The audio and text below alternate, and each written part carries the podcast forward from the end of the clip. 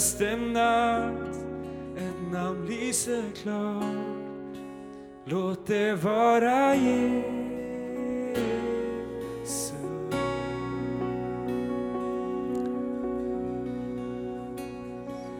Ja, Jesus, vi bara tackar dig för den här söndagsmorgonen när vi får samla i ditt namn. Herre, vi tackar dig för alla älskade vänner som sitter vid sina datorer och tv-apparater och tittar just nu. Herre, du ska välsigna dem och du ska öppna ditt ord den här morgonen för oss. Och uppliva, inte avliva. Det är så mycket som vill avliva i dessa dagar, men du kom för att uppliva vår ande vårt innersta. Så jag ber för alla vänner i, i församlingen och jag ber för alla oss andra över hela landet som tittar på det här programmet. Tack att ditt ord alltid är lika härligt, alltid lika fantastiskt. Och vi prisar dig för vad du ska göra genom ditt ord här idag. Amen. Så härligt att vara här i Örnsköldsvik, eh, här uppe i parken.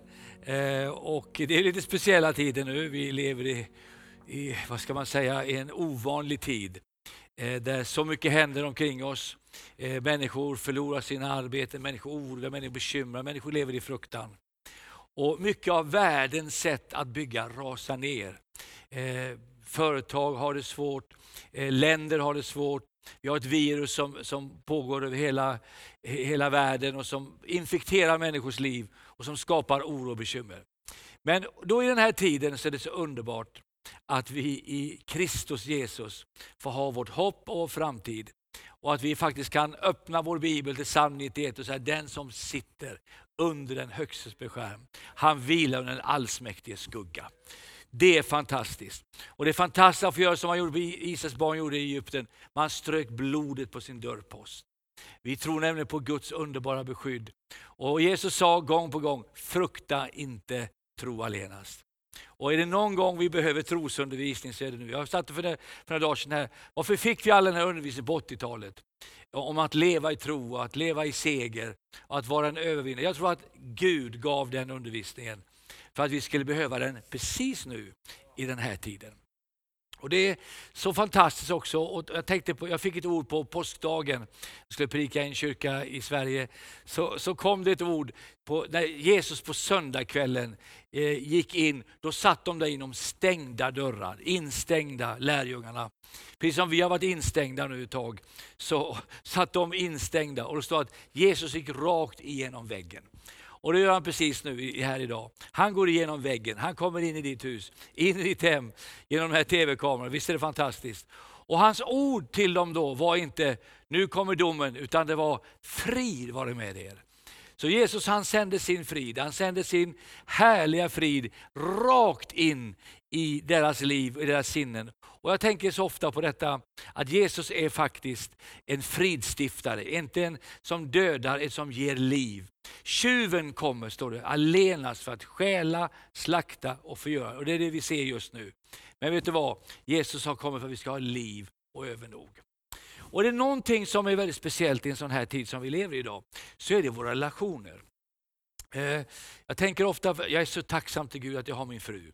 Jag är så tacksam för att jag har mina barn. I, min, att, I vår familj så får vi tro på Jesus Kristus. Och Jag tänker också, jag har, och så, och så tänker jag så här, men vad vore familjen utan församlingen? Va, va, tänk att nu när vi inte ser varandra varje söndag, vi inte får krama om varandra utan vi får gå på och, och titta via nätet, vilket är fantastiskt. Men det är ändå någonting med, med, med det här med den levande Gudens församling, när vi får träffas, när vi får mötas. Och Därför skulle jag vilja tala lite grann idag om en person i Bibeln eh, som heter David.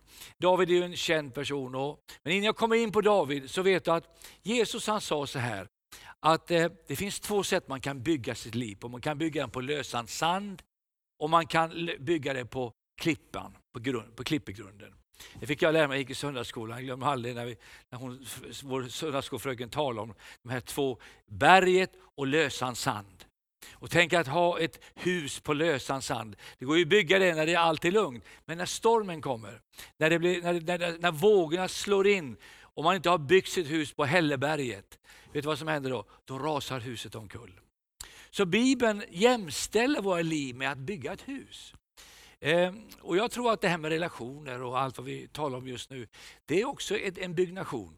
Att bygga relationer, att bygga vänskap, att bygga att man har kontakt med människor. Det är bra med Facebook, det är bra med sociala medier, men det finns ingenting som ett handslag, eller en kram, en relation som man har med någon människa. Som att det här är min vän. Och är det någonting som betyder mycket för oss nu i den här tiden, så är det vänskap och vänner. Och därför så känner jag att få vara här i Örnsköldsvik, i den här underbara församlingen.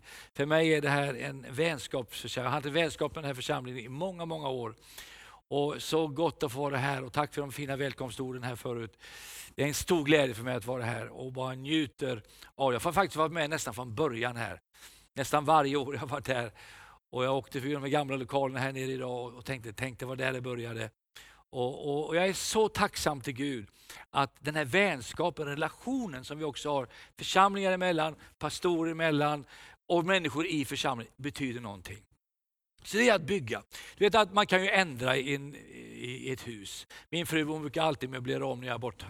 Och, och jag kommer hem och, och ändrar, vad är det? det här står ju inte här. Och, och nu står det där och jag, jag tänkte att hamnar väl sängkammaren i köket, men det hoppas jag inte. Men, men, men ibland ändras det mycket när jag är borta. Och, och, så är det, man kan bygga olika, man kan ändra ett hus. Och Det är viktigt hur man bygger sitt liv, säger Jesus. Det är viktigt att man bygger det på helvetet, man bygger det på Vi har en församling vi kan gå till. Att vi har Guds hus vi kan komma till och, och ge våra liv till. Och Jag skulle vilja säga till dig här idag, det är underbart att ha en relation i familjen, i, i, med barn och, och, och, farmor och mormor och svärmor och svärfar och allt vad det är. Fastar och mormor, vi har ju alla släktingar. Underbart. Men det finns en relation som Gud vill också att du ska ha med din församling. Eh, med, med Guds folk. Eh, därför att där ligger styrkan. Och min, min titel egentligen, utöver det som redan finns här, det är att låt församlingen inte vara din hobby bara, utan ditt liv. Jesus gav sitt liv för församlingen. Han offrade sig för, på korset för Guds församling. Och då tänkte jag, då ska inte jag ta det lätt, utan då vill jag vara med och ge mitt liv till Guds hus. Du vet att eh, man, de beslut man tar i livet, det får ju ofta, någon sa så här, om en, en person bestämmer sig att bli alkoholist, dricka alkohol, så får det effekter inte bara på honom, utan också på hans familj, på hans släktingar, på hans barn, hans barnbarn. Och generationer efter han har dött så kommer det, hans beslut han tog i år, nu, idag, att betyda någonting i nästa generation, och i generationen att komma. Och jag brukar säga när någon säger så här, nej men jag och mitt hus, vi ska tjäna Herren.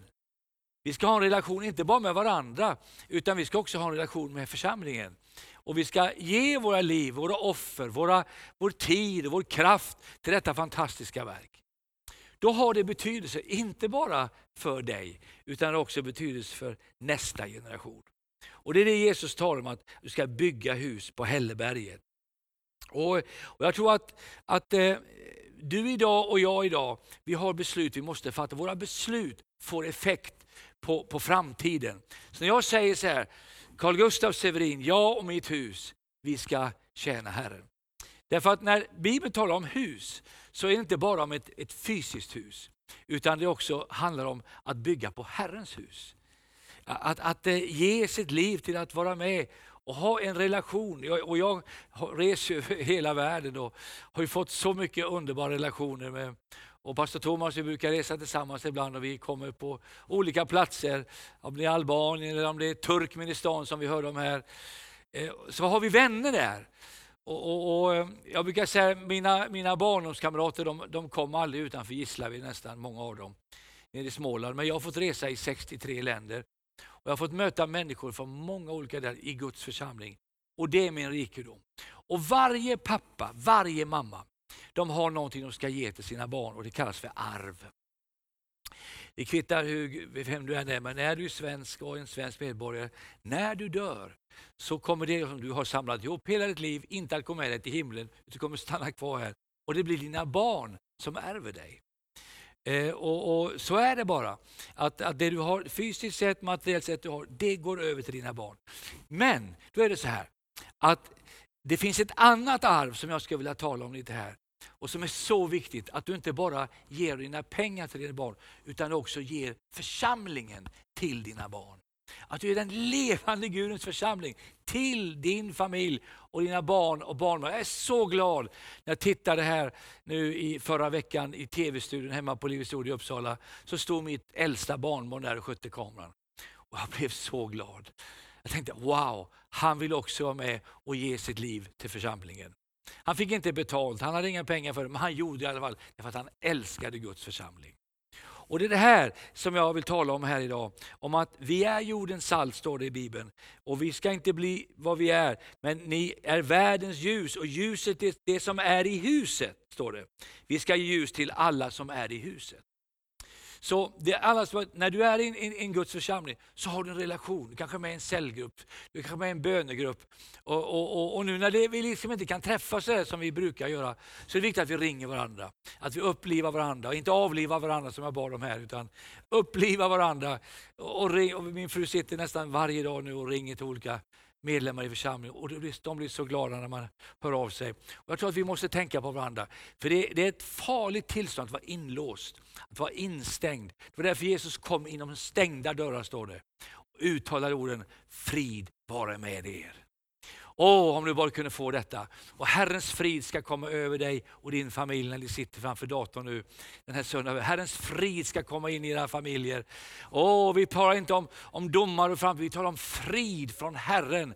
Den riktiga friden som övergår allt förstånd. Vet du vad det står? Vi ska göra alla våra önskningar kunniga eh, till, till Gud med åkallan och bön, med tacksägelse. Så ska Guds frid som övergår allt förstånd Bevara våra hjärtan och våra tankar i Kristus Jesus. Och det är det som vi behöver. Är det någonting världen behöver nu så är det frid. Corona har skapat väldigt mycket, bara ordet corona har så bara folk darrar. Jag gick på, på Clas Olsson, en affär i Uppsala för några dagar sedan, så kom det en, en gammal gumma från Finland och så sa hon, Åh vad roligt att möta någon som inte har dödsfruktan, sa hon. Hon var 80 år. Jag är inte rädd, jag var med i finska vinterkriget, sa hon. Så hon hade ingen fruktan. Det var så underbart att se en människa som gick utan fruktan. Och, och, och, så är det när Guds folk samlas. Vi har, fått, vi har fått Herrens frid som övergår allt förstånd. Och, och då när vi bygger huset där vi bygger så, så vill jag gå med, att du ska gå med mig idag till andra Samuelsboken, det sjunde kapitlet. Och det som min förkunnelse ska handla om en liten kort stund här. Vi har inte lång tid men Jesus kommer snart och tiden rinner iväg här. De brukar säga. Men, men eh, det, då är det David och det är Herren som kommer till David i andra Samuelsboken, sjunde kapitlet. Och han, han börjar, eh, bara de första verserna, så, så har han ett budskap till David. Och så säger han så här, David, jag har en fråga till dig. Skulle du kunna tänka dig att bygga ett hus åt mig? För då var det så att David bodde i ett fint hus. Han var byggt av cederträ från Libanon. Så han hade en kanonkåk. Det var ett jättefint ställe, så han behövde egentligen inte ett hus för sig själv. Det behövde han inte bygga, utan han skulle bygga ett Herrens hus. Och Då säger Herren så här till honom. Om du gör det här, om du bygger mig ett hus, säger Herren. Eh, för, för, han bodde i ett fint hus, men så säger Gud, jag har inget hus att bo i. Om du bygger mig ett hus, så ska jag bygga ditt hus. Ja men hallå, han hade ju ett hus. Nej, det var inte det huset Gud talade om. Han talade om att om du, hör här, om du bygger på Herrens hus i ditt liv och har en relation till Gud och till andra troende människor. Att du inte isolerar ditt eget liv, för man klarar sig inte själv. Det finns ett beskydd i församlingen.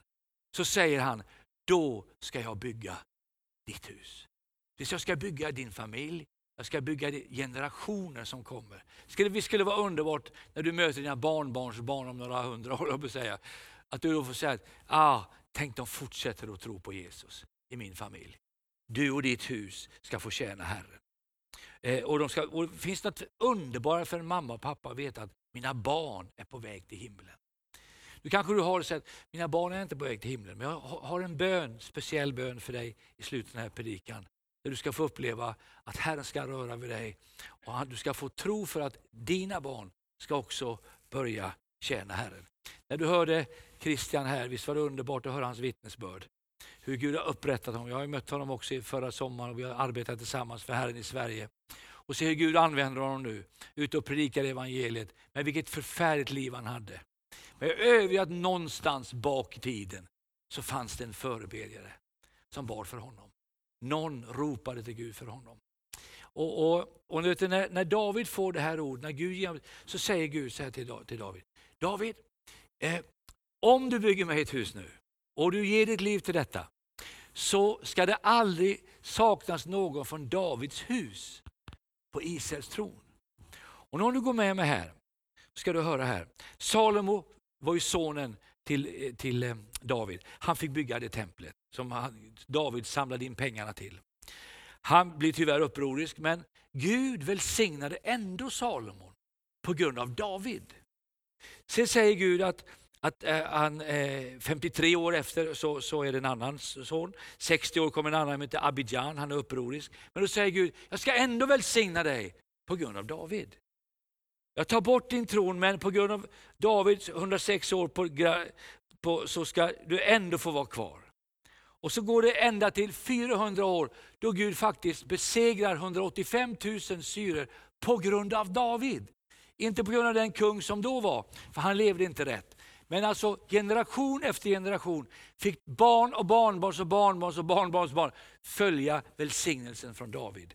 För att han byggde ett hus åt Herren.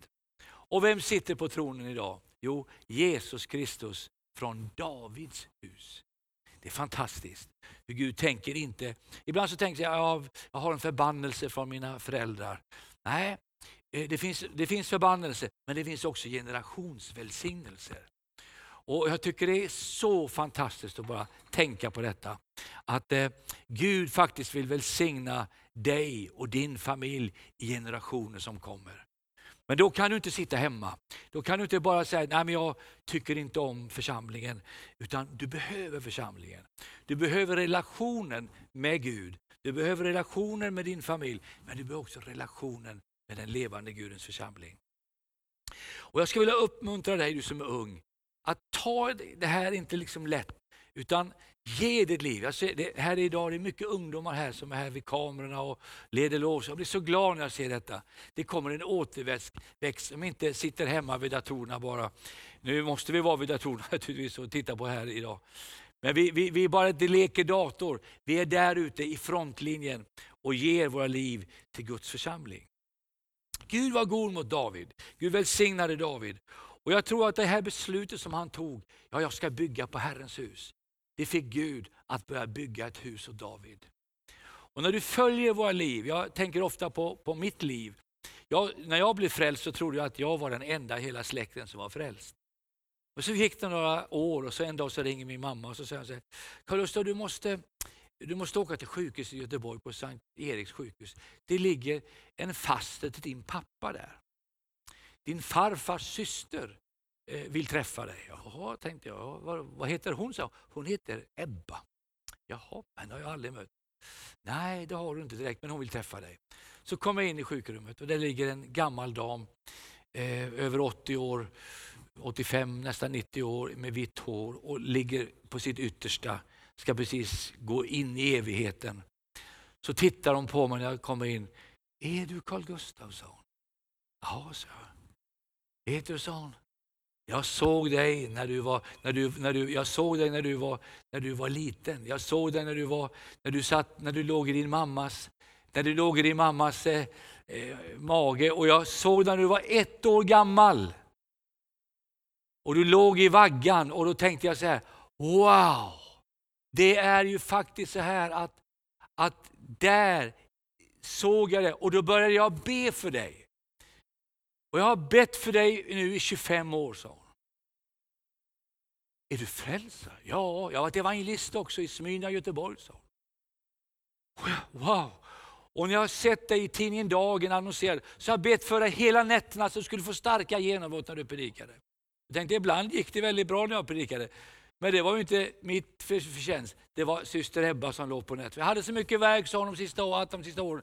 Men jag har bett för dig och jag är så glad att du tar verket vidare i vår familj. Och tänkte jag, wow, det finns sådana där människor i våra liv och i våra familjer ibland. En liten syster där som ber där och någon som ber där. Och som håller upp våra liv i bön. Och, och detta betyder någonting, förstår du, när man blir vidrörd av Gud. Och när du blir vidrörd av Gud så blir du vidrörd av Gud. När Gud rör vid dig så rör han vid dig på ett sådant sätt att du behöver inte vara orolig för framtiden. Därför att det finns människor som varit där och burit dig i bön. Vi behöver andliga fäder och mödrar, en väckelse vi går in i nu. Men det räcker inte bara att det finns något underbart. Jag är så glad för församlingen i mitt liv. Jag var 14 år när jag kom till församlingen. Jag var, kom från en familj som inte jag trodde hade någon trodde, fast Ebba fanns, men det visste jag inte då. Men jag mötte människor, gamla och unga. Vet du vad jag tror? Jag har sagt det många gånger i Skjutsvik här. Men det här är en livsdoktrin i mitt liv. En bra församling är alltid när det finns tre generationer.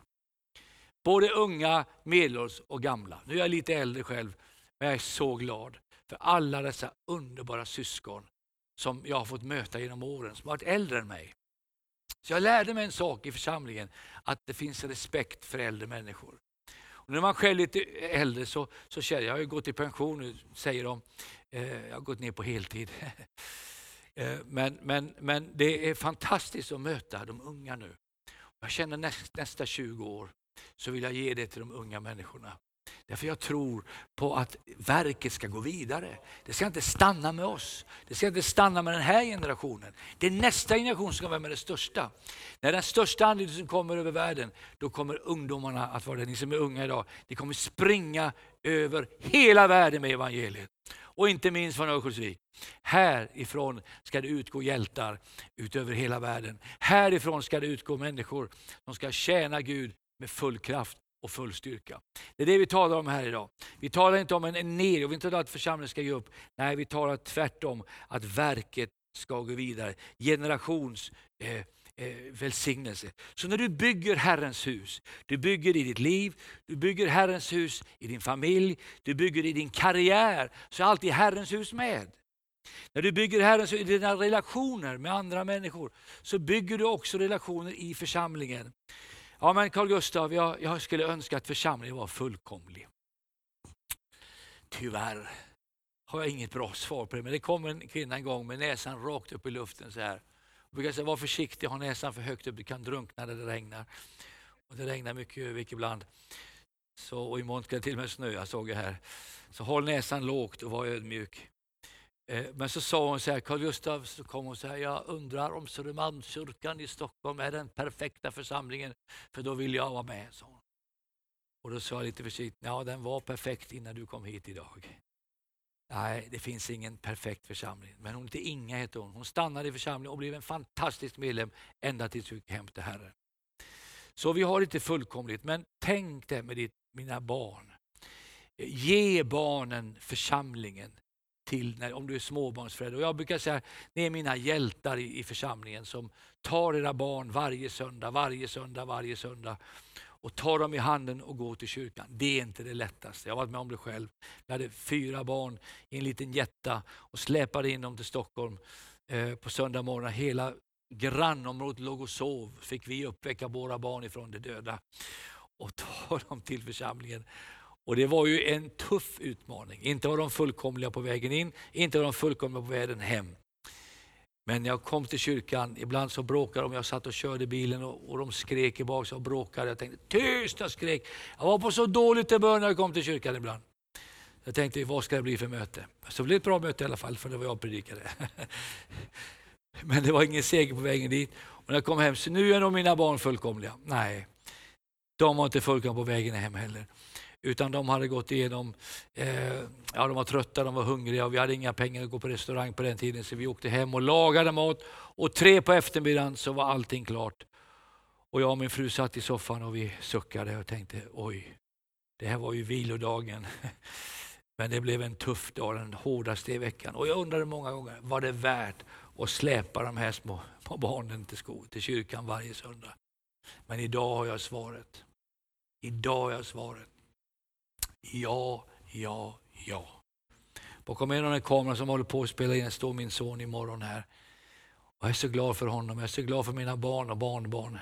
Och snart kommer jag få barnbarnsbarn. Jag drömmer om detta, få se en familj som tjänar Herren av allt sitt hjärta. Och därför så ska du tänka så här i ditt liv. Ja, det är inte det perfekta. Ja, men ska man gå till kyrkan på söndag? Kan man inte möta Gud hemma? Jo, det får du nu i coronatiderna bara. Men när coronatiden är över här och vi får mötas igen, då ska du gå till kyrkan igen. Därför att där är Gud. Han är i kyrkan varje söndag. Han är där för att du ska få hjälp, han är där för att du ska bli upprättad. Och det står så här, sök först Guds rike och hans rättfärdighet, så ska allt detta andra tillfalla dig. Wow, det finns någonting. Ja, vet du var jag hittade min fru någonstans? Det var inte på internet. Jag vet att man kan hitta fruar på internet, men det gjorde inte jag. Jag hittade henne i församlingen. Och när jag mötte min älskade Monica, då stod hon nere i kafeterian på fredagskvällarna och diskade och städade varje fredag. För att hon älskade Guds församling. Och jag tänkte, henne skall jag ha. Som tjuren Ferdinand på julafton, henne skall jag ha. Hon blev min fru. Jag har varit gifta nu i 46 år. Och vi har fem barn och vi har elva barnbarn. Om några veckor får vi vårt tolfte barnbarn. Och vet du vad? Hon kommer från en familj som har tjänat Gud i 300 år. Har varit kristna. Det var spanska sjörövare som kom på 1700-talet till Sverige och skulle råna svenskarna. Det var invandrare från Spanien, sjörövare, banditer, riktiga eh, stackset-typer allihopa. Men vet du vad? De blev frälsta på stranden där. Och de mötte Jesus och tog emot Jesus i sina liv. Och när de gjorde det, förstår du, vet du vad som hände då? De fick möjligheten att tjäna Gud. Och sen den dagen har de tjänat Gud i 300 år, den familjen. Så min fru och mina barn de har en lång, lång historia på människor som har tjänat Gud av all sitt hjärta, av all sin själ. Ur den familjen har det kommit missionärer, ur den familjen har det kommit människor som starkt har tjänat och överlåtit sina liv till Herren. Och jag skulle vilja uppmuntra dig, du som är här och lyssnar idag, som är med i den här församlingen. Jag har ju sett det genom åren, jag har sett den här församlingen vuxit och till. Och de som är nu äldre familjer och barn, de var unga när jag kom här i början. De sprang i söndagsskolan, nu står de här och tjänar Gud. Och de har fått egna barn och de tjänar Gud. Eh, vilken fantastisk välsignelse detta är. Att se generation efter generation komma till tro på Jesus och följa honom. Och Den här förmiddagen när vi har nu talat om detta så är det, det är ingen lång predikan men det är ett budskap som brinner i mitt hjärta. Och jag ser idag att det finns en churchless generation. Människor som inte vill gå till kyrkan längre. Man, man sitter hemma, man, man, man, ah, vi tar en kopp kaffe istället. Det är inte värt allt det där slitet. Jag ska säga det är värt allt i världen. När den här tiden är över, när internettiden är över, då ska vi tillbaka till församlingen. Då ska vi fortsätta arbeta här i Örnsköldsvik, att människor ska bli frälsta. Ska vi fortsätta att sända ut missionärer över hela världen från den här församlingen. Jag vill bara uppmuntra dig till slut här. Tänk inte så här, att jag ska vara en åskådare i livet. Tänk inte att jag ska vara en, vi har ju den här härliga hallen här nere, Fjällräven heter den. Va? Det är bra att sitta på läktaren och ha åsikter om allt som sker nere på planen. Men tänk att vara där nere och spela hockeyn. Och göra målen. Och vara där och, och känna svetten, tårarna, ibland besvikelsen, ibland glädjen att vara där tillsammans med laget. På läktaren kan man alltid sitta och man kan ha åsikter om allt som sker. Men det är inte där segrarna vinnes. Segrarna vinnes nere på planen. Var en bedjare, var med och bygg församlingen som en bedjare. Ni äldre, ta hand om, älska de unga och ni unga, respektera de gamla. Så tillsammans, en som sår, en annan skördar, tillsammans ska vi glädja oss. Nu ska vi alldeles strax göra en inbjudan till frälsning här. Du kanske är här, du, du inte tror inte på Jesus än, men du kan få ta emot honom i ditt liv precis där du sitter just nu, framför din dator. Så Jesus, vi bara tackar dig att vi får komma till dig just nu. Så be den här bönen. Jesus, jag tror på dig. Jag tror att du dog för mina synder. Jag tror uppstod igen. Tack Jesus att du från den här stunden bor i mitt hjärta. Amen. Om du bad den bönen så finns det en adress här du kan skriva och få hjälp. Och du kommer få kontakt med någon här i församlingen i Örnsköldsvik. Men jag vill också be för dig som inte har barn som tjänar Herren än. Men du gör det. Så jag ber Herre för alla familjer där ute nu som behöver uppmuntran och tro att vi ska vara med och bygga på Herrens hus. Det är du som bygger huset Herre, men vi vill vara med och be för våra barn och barnbarn att de alla ska få tjäna dig Herre. I Jesu namn. Amen. Gud välsigne dig. Vi ses snart igen live. Amen.